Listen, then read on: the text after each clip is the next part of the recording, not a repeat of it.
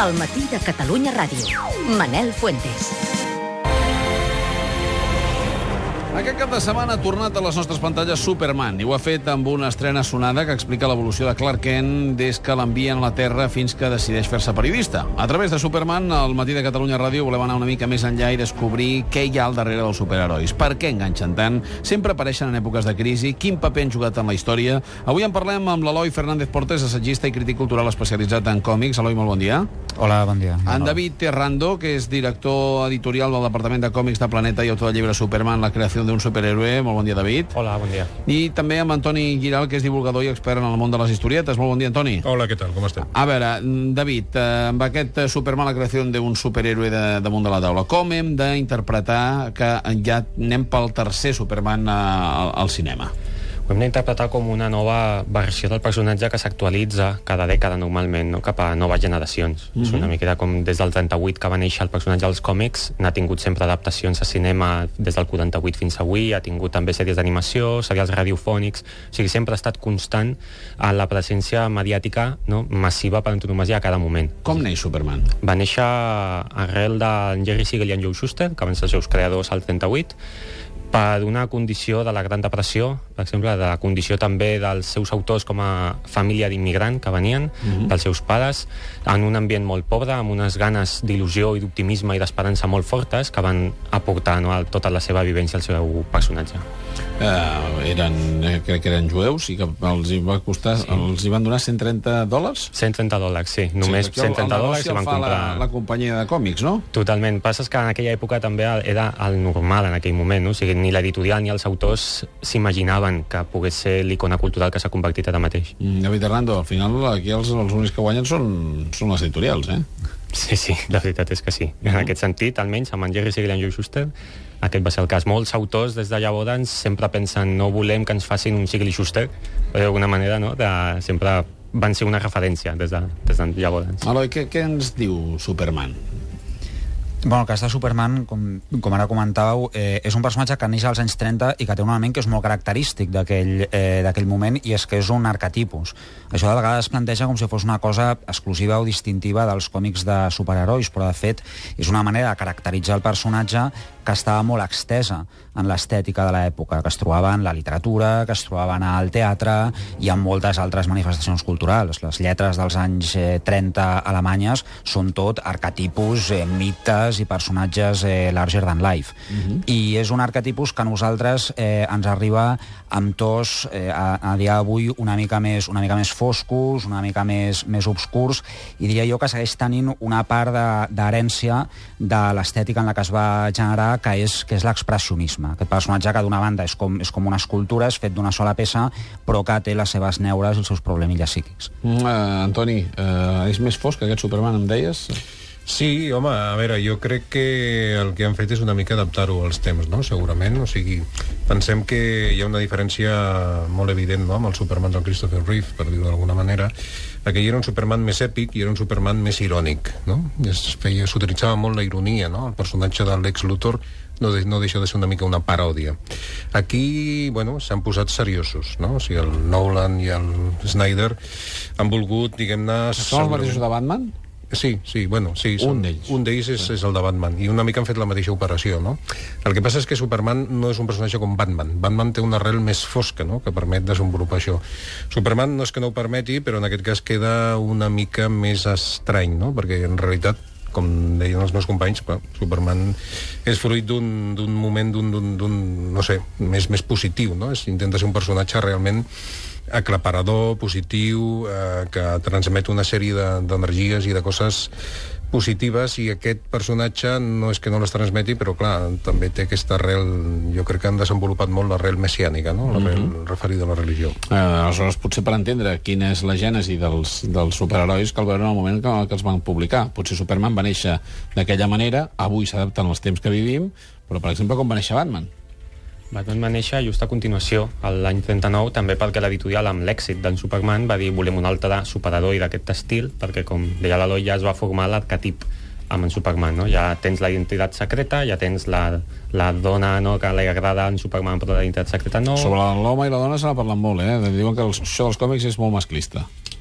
Sí, a vegades també s'ha dit, sobretot per la manera en la qual es van crear no? com a un model d'inspiració masculí, en aquest sentit, creat per homes, uh -huh. però l'evolució que han tingut els superherois fins als nostres dies ha fet que també moltes dones acabin amb, amb una afinitat no? major de la que tenien abans els superherois. Sí, sí, però compte que els còmics no són més masclistes que la societat, eh? o sigui, els còmics són sempre un reflexe de la societat i el que hem vist en els còmics és un, el que estava passant a la nostra... al carrer, per entendre'ns, eh? Uh -huh.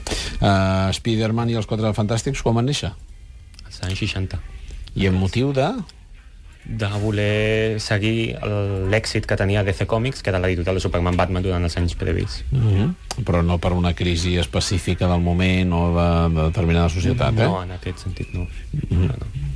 Per què ens fascinen tant? És a dir, què, què ens dona Superman o amb, què, amb quines parts eh, psicològiques connecta i, i Batman, i Spiderman i tots els superherois que avui coneixem? Què s'atreveix amb això? Home, Toni. digues.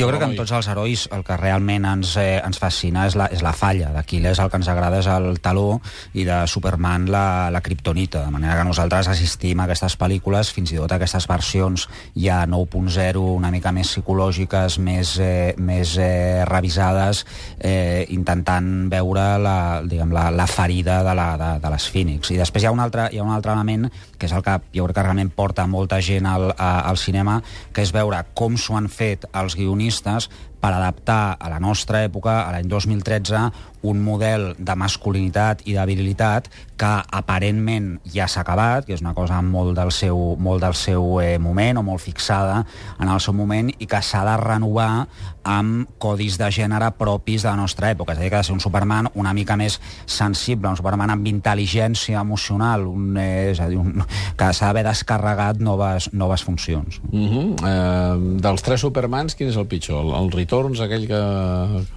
que van fer, o aquest d'ara tampoc t'ha agradat molt a tu, Antoni? No, a veure, no, jo diria que possiblement el pitjor sigui el Returns, possiblement, eh? Uh -huh. Però el d'ara tampoc m'ha agradat gaire. Jo suposo que per edat, eh? Això, evidentment, jo ja tinc una, una certa edat, amb la qual clar, jo, la meva adolescència va ser el Superman del Christopher Reeve. Uh -huh. I aquestes coses imagino que també marquen, no? I jo em quedo amb aquell Superman pel que et deia abans, no? Per aquest sentit de l'èpica, que hi és, s'ho pren mínimament seriosament, però també perquè sap fer, mm, no sé, paròdia de si mateix, no? Vull dir, recorda aquella escena en la que el Christopher Reeve està volant i mira la càmera i somriu. Uh -huh. Eh? O sigui, hi ha una interrelació no? amb l'espectador en aquell moment. Uh -huh. uh, les pel·lícules fan, fan honor als còmics o amb els còmics uh, anaven millor? A vegades el que passa, curiosament, és que les pel·lícules alimenten els còmics. És a dir, els còmics a les pel·lícules al mateix temps com som la base, no? És a dir, uh -huh. per exemple, el Superman de Christopher Reeve no era molt fidel als còmics d'aquell moment, però el que va suposar va, el Els seu còmics èxit... en aquell moment eren, van ser una revolució.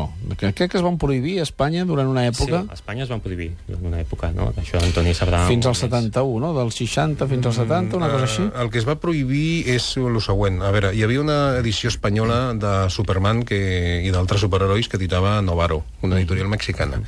Aleshores, aquesta editorial, eh, com que tirava molts exemplars, els, en portava alguns aquí a Espanya a preus molt econòmics i el gremi d'editors, eh, els editors de TVOs es van queixar.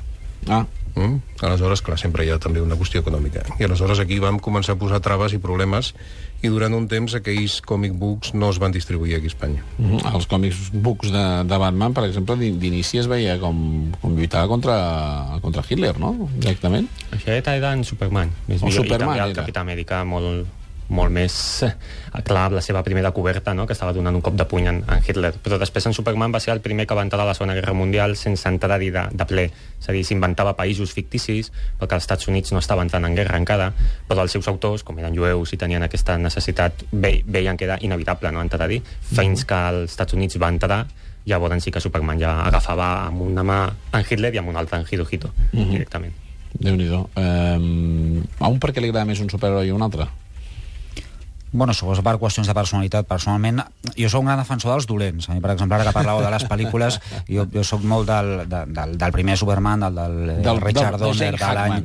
Exactament, de l'any 78, perquè és el gran Lex Luthor, que, bueno, que com, com comentava el, el Toni, és, és un Luthor paròdic, que no, no coincideix exactament amb el, del, amb el dels eh, còmics, però sobretot és aquesta caracterització que fa un guionista nord-americà de tot lo dolent que tenim els europeus. És a dir, una gran biblioteca, aficionat a la música clàssica, aficionat a l'art, estaticista, eh, etc. I aquesta contraposició entre el granger, senzill, eh, humà, eh, tiarrón de l'Amèrica la, de profunda i la decadència de la, de la cultura europea. A mi m'hauria agradat que guanyés la cultura europea, però al final, per un No truc de guió, va eh? perdre. Uh, el Kevin Spacey era el Luthor del, del Returns, que es queda a mig camí, potser. Mm.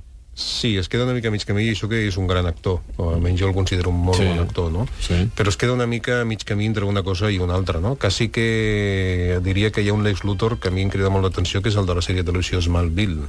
Mm -hmm. Smallville, vaja. Mm -hmm. Perquè és un Luthor que poder sí, no? Que està més inspirat, no? En el de certs còmics, tot i que teòricament és més jove, però bueno, és molt curiós. El d'aquesta última, eh? No, no, el de la sèrie de televisió. Ah, val. Una sèrie de televisió de Smallville que narra, diguem-ne, les aventures de Superman de jove. Uh -huh. I, uh, I pel que fa al, al de la darrera pel·lícula, què? Bueno, no apareix el... Bueno, el dolent de, de la darrera pel·lícula és un dolent una mica histriònic. No, no és Luthor. Mm, No. Mm, I, bueno, l'autor ho fa bé. Crec que, evidentment, té que haver un dolent. Vull dir, si no hi ha un bon dolent, no pot haver una bona pel·lícula. Eh? Com en un còmic de gènere, segurament, si no hi ha un bon dolent, eh, jo també estic d'acord eh? amb l'Eloi, que el, el dolent és eh, una part bàsica. Vull dir, eh, jo crec que els herois es medeixen per la, per la qualitat enemics. dels dolents. Sí. Eh, La música no serà la típica que, que li hem sentit a Superman, eh? Aquí hi ha, hi ha canvis. Perquè sí, és totalment nova, des de la pel·lic, des de la música, des del disseny de producció, tot és completament nou, no?, per trencar definitivament amb bueno, l'estela que va portant els calçotets ja no els porta per sobre, diguéssim, Superman. Tampoc, fins i tot amb això ja, Això, trencat ja, una vegada. això, què tal, què tal la, la nova música o la, la textura aquesta més fosca? Us convenç? No us agrada? Jo crec que és un registre que està pensat per d'altres per d'altres personatges. És a dir, a, la patrulla X els hi pots trobar tot aquest eh, element dels, dels marginats, dels outsiders, de com, de com s'integren en la societat o com no s'integren, etc. En d'altres superherois, doncs en el cas eh, Daredevil, que tenen una, una, doble, una doble cara, aquests elements de caracterització són molt més interessants, com passava també en l'adaptació al cinema de, de Watchmen, que bueno, l'adaptació al cinema, com tots sabem, és el, és el còmic fet pràcticament vinyeta Sí. per vinyeta i canviant, i canviant al final, però, però vaja, és que el còmic és tan potent que se, que se sosté. Però, és clar, en el cas de, en el cas de, de Superman, jo crec que tot l'intent que fan de, bueno, de complicar la fase inicial de la seva, de, de la seva vida estan creant com un, com un rerefons eh, psicològic que l'espectador no hi acaba de connectar. Uh -huh. Quin és el vostre superheroi favorit, Antoni? Ui, això és molt complicat, eh? Però És la vaja. pregunta més difícil o és Sí, la pregunta final? més difícil. Bueno, jo, per mi, un dels que guardo més relació sentimental poder seria l'Spiderman. Ah, sí? Sí, per allò de que és un, una mica l'heroi, diguem-ne, del costat de casa, no? El veí, no? La persona a la que li passen coses molt quotidianes, que és I capaç... perquè va venir amb una fornada que els còmics eren més moderns que els, que els del Superman. Neix a l'any 1961 eh, i hi ha una altra... A, a darrere té una altra proposta, sí. Uh -huh. En el teu cas, A mi amb Batman. És Batman, eh? m'agrada de tots, sí. amb, la, amb les últimes pel·lícules, imagino Les que més... últimes sobretot, però també d'abans, de, inclús abans de les adaptacions d'en Tim Burton, no? ja amb el còmic de Batman any 1, que és, Sí? és essencial, sí, dels anys Aquella 80. cosa estranya amb el noi Meravella, sí? Amb el nom de Velles, no, la del Batman dels anys 60 no tant. Em Ja. referiria a les del Tim Burton. Uh -huh. Eloi? Jo, per rebaixar una mica, jo sóc de Super López total. De fet, Super eh, López, de fet bé. Super López contra los cabecicubos és un Superable. àlbum que o sigui, diu, diu molt sobre la nostra societat contemporània, sobre com funciona la política. Senyors, moltíssimes gràcies. A vosaltres. Molt vosaltres. Una petita pausa i obrim el xat dels dimarts.